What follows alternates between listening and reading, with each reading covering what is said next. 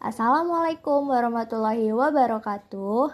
Muslimah Inspiring Club, muslimah cerdas, tangguh, anti ngeluh. Wah, seneng banget nih bisa berkesempatan nemenin teman-teman semua di podcast malam ini.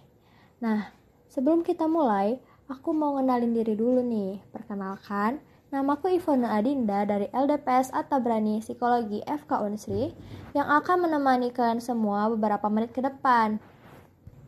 Nah, teman-teman gimana nih kabarnya di rumah? Semoga selalu dalam keadaan sehat dan luar biasa dan semoga Allah Subhanahu wa taala juga senantiasa melimpahkan rahmat dan perlindungannya kepada kita semua. Amin amin ya rabbal alamin. Nah, di podcast sebelumnya kita udah dengar kisah salah satu muslimah hebat di zaman Rasulullah Shallallahu alaihi wasallam, yaitu Asma binti Abu Bakar. Dan hari ini aku bakalan bawa cerita tentang muslimah hebat lainnya nih. Uh, tapi sebelumnya, aku juga mau ngenalin nih. Malam ini kita bakalan ditemenin sama mbak cantik dari Nadwah Unsri, Mbak Dia Anissa. Langsung aja kita sapa nggak sih? Halo, Assalamualaikum Mbak Dia. Gimana nih kabarnya? Lagi sibuk apa nih sekarang? Halo teman-teman semua. Masya Allah, kasih dua jempol nih untuk The Ivon yang semangatnya membara-bara sekali. Mbak jadinya semangat nih, gak sabar untuk podcast kali ini. Oh iya, salam kenal ya teman-teman dan salam kenal The Ivon. Baik, di sini Mbak akan menemani The Ivon dan teman-teman pada podcast kali ini. Mbak sih sekarang baru selesai kerja praktek dan sedang penyusunan laporan dan untuk presentasi PPT gitu. Waduh, kita kasih semangat dulu nih buat Mbak Dia. Semoga lancar-lancar ya Mbak, semua urusannya. BTW, The Ivon di Atabrani dari departemen apa nih? Pasti dari kemuslimahan ya? Kan bener banget Mbak, Ivon dari Departemen Kemuslimahan Atabrani nih Mbak. Masya Allah, anak kemuslimahan nih ya um, oh iya ngomongin soal kemuslimahan dan muslimah ternyata masih banyak orang-orang di luar sana yang berpikiran bahwasanya tugas seorang perempuan ya hanyalah sebagai ibu rumah tangga. Pemikiran seperti ini sudah seharusnya ya kita hilangkan gitu. Apalagi notabene-nya kita sekarang hidup di zaman yang sudah berkembang baik teknologi maupun ya akal pikiran kita gitu Wah, bener banget tuh mbak. Tapi kayaknya muslimah ini identik banget ya dengan sifatnya yang lemah lembut. Nah, menurut mbak dia gimana tuh? Memang sih ya dek, perempuan identik dengan kata-kata lemah lembut. Sifatnya yang lemah lembut gitu. Tapi emang hanya sifat itu aja yang mesti dimiliki perempuan? Enggak dong ya, banyak sifat-sifat lainnya ya yang mesti ada pada diri perempuan. Salah satunya ya tangguh, cekatan, berani, dan masih banyak lainnya gitu. For your information ya dek, um, pada zaman Nabi Muhammad SAW ada salah seorang sahabiah. Sahabiah yang dikenal dengan sifatnya yang gagah berani dan tak kenal takut kisahnya ini sudah tersebar di seluruh penjuru gitu yaitu Nusaibah binti Ka'ab radhiyallahu anha atau yang biasa diberi julukan sebagai Ummu Umarah gitu. Sahabiah ini yang akan kita bahas pada podcast kali ini.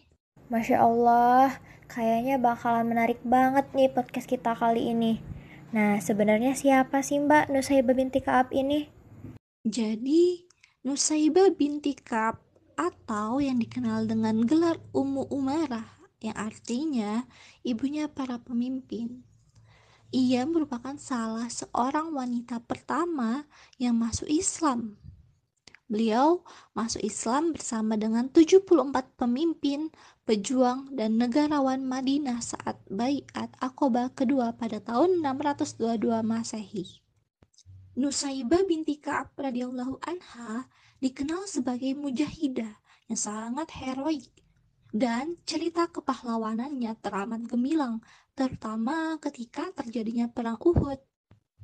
Ketika Perang Uhud terjadi, Nusaibah ya seperti muslimah yang lainnya, yang datang berperang untuk menyediakan keperluan logistik dan medis. Ia bertugas sebagai pembawa air bagi tentara Rasulullah Shallallahu Alaihi Wasallam dan mengobati mereka yang terluka.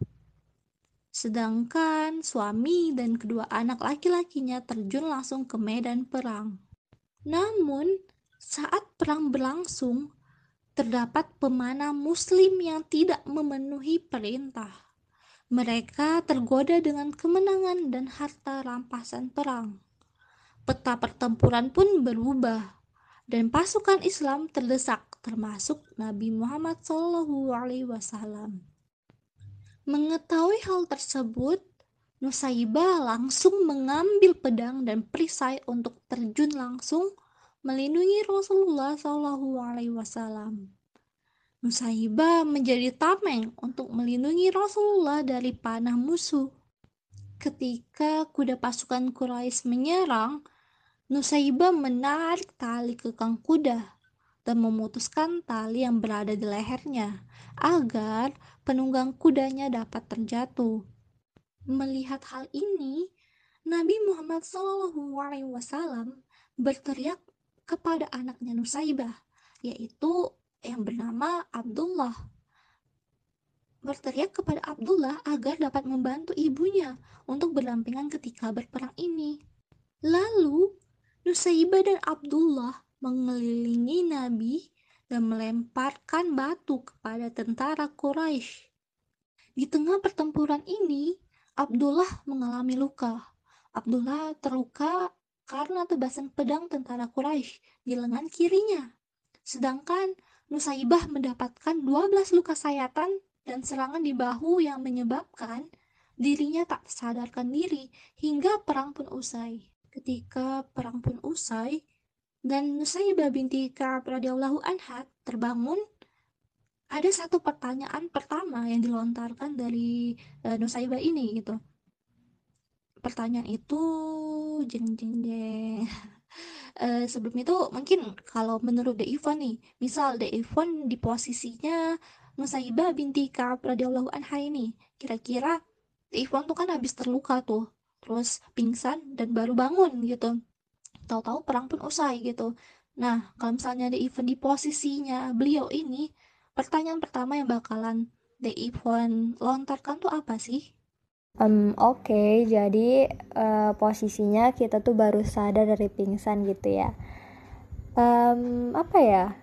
Mungkin Ivan bakal ngelontarin pertanyaan ini deh. Ini di mana? Kamu siapa? Enggak, ding. Sinetron banget ya. Uh, ini kali ya pasti Ivan nanyain uh, yang lainnya selamat atau enggak Rasulullah selamat atau enggak uh, gitu enggak sih mbak? Ya masya Allah bener sekali deh Ivan. Jadi ketika Nusaibah binti Kaab ini terbangun dari pingsannya gitu pertanyaan pertama yang dilontarkan oleh beliau yaitu apakah Nabi Muhammad selamat Masya Allah sekali bukan ya? Betapa kecintaan beliau tuh terhadap Rasulullah itu melebihi dirinya sendiri. Padahal ya dirinya tuh kan lagi terluka gitu. Dan suami dan anaknya ya terluka akibat perang juga. Tapi yang ditanyakannya pertama kali yaitu Nabi Muhammad gitu. Masya Allah ya dek. Masya Allah ternyata banyak banget pelajaran yang bisa kita petik dari beliau ya teman-teman. Seperti keberaniannya, perjuangan beliau untuk melindungi Rasul benar-benar patut kita contoh Nah, apa aja sih Mbak hal lain yang bisa kita teladani dari beliau nih? Tentunya ya banyak sekali teladan yang dapat kita ambil dari salah satu sahabiah ini. Dari sifat keberanian beliau, ketangguhan beliau yang rela mengorbankan dirinya di jalan jihad membela agama Islam. Relevansinya dengan zaman sekarang, um, mungkin kita bisa jadi salah satu aktivis dakwah yang berani dan tangguh di jalan Allah. Di samping ya kita dapat menjadi sosok yang bermanfaat untuk sekitar, kita juga dapat menebarkan dakwah gitu loh dek. karena ya posisinya zaman dahulu kondisinya ya ada peperangan. Namun kalau kita di kondisi zaman sekarang ya lebih ke perang pemikiran gitu nggak sih ya dek? Wah bener banget tuh mbak. Uh, mungkin salah satu contoh langkah kecil yang bisa kita lakuin buat jadi aktivis dakwah ini dengan bergabung ke lembaga dakwah kampus. Nah ya contohnya LDK Nadwah ini. Mungkin ini yang terakhir ya teman-teman, karena kita udah cukup lama nih ngibril-ngibrilnya. Last but not least, maybe Mbak Dia ada pesan-pesan nih buat muslimah zaman sekarang supaya bisa meneladani Nusaibah binti Ka'ab radhiyallahu anha um, pesan ya uh, apa ya mungkin dari kisah-kisah sahabiah dan salah satunya Nusaybah binti Ka'ab radhiyallahu anha ini semoga kita menjadi muslimah yang tangguh dan kuat untuk menghadapi segala tantangan dan ujian yang tentunya semakin berat seiringnya perkembangan zaman. Semoga kita juga mampu mengikuti jalannya para pejuang terdahulu yaitu mencintai Allah dan Rasul melebihi cinta kepada diri kita sendiri. Amin amin ya rabbal alamin. Masya Allah, gimana nih teman-teman setelah dengar kisahnya Nusaibah binti Ka'ab radhiyallahu anha. Ternyata banyak banget ya pelajaran yang bisa kita petik dan teladani dari beliau. Beliau bukanlah sosok perempuan biasa, kecintaan beliau pada surga mengantarkannya menjadi wanita ansar pertama yang beriman pada Rasulullah Shallallahu Alaihi Wasallam dan istiqomahnya berjuang demi Islam dengan segenap jiwa dan raganya. Nah, alhamdulillah kita sudah berada di ujung podcast nih teman-teman. Jazakillah khair buat Mbak Dia yang udah nyempetin waktunya buat berbagi kisah muslimah tangguh bersama kita. Masya Allah. Jazakillah khair untuk The Ivon dan teman-teman semuanya yang rela dengerin podcast kali ini. Ambil baiknya, buang buruknya ya. Kita kali ini berjumpa dan bersua secara online.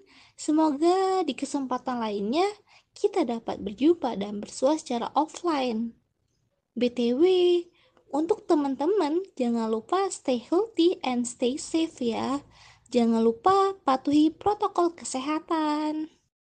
Dan buat teman-teman di rumah, terima kasih juga udah dengerin kita. Tetap semangat dan jaga kesehatannya. Jangan lupa patuhi protokol kesehatannya ya dan semoga podcast ini bisa bermanfaat bagi kita semua. Ivon pamit undur diri. See you in the next episode of podcast Muslimah Inspiring Club yang tentunya dengan cerita yang gak kalah menarik dan tentunya inspiratif. Wassalamualaikum warahmatullahi wabarakatuh. Bye bye.